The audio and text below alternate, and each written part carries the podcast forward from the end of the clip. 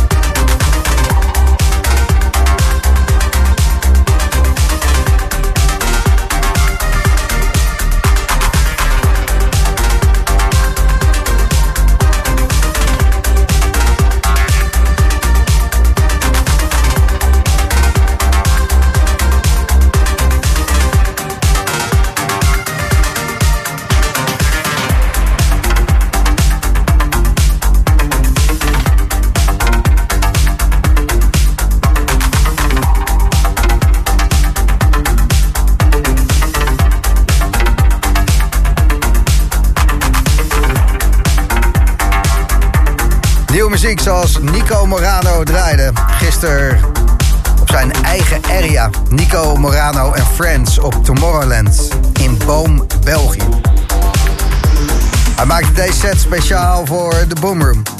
De Belg der Belgen. Het laatste uur van de Boomroom. Van vanavond dan. Tot 12 uur in de mix bij Slam. Dit is Nico Morano.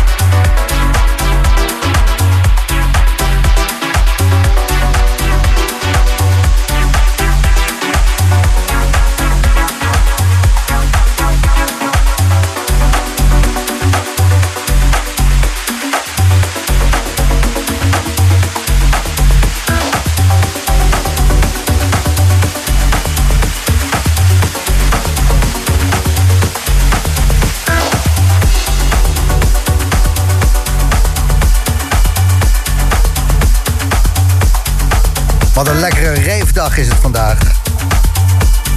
Nog bezig in Winterswijk, het Fahrenheit Festival. De Gabberboot, die is net aangemeerd, vaarde in Rotterdam.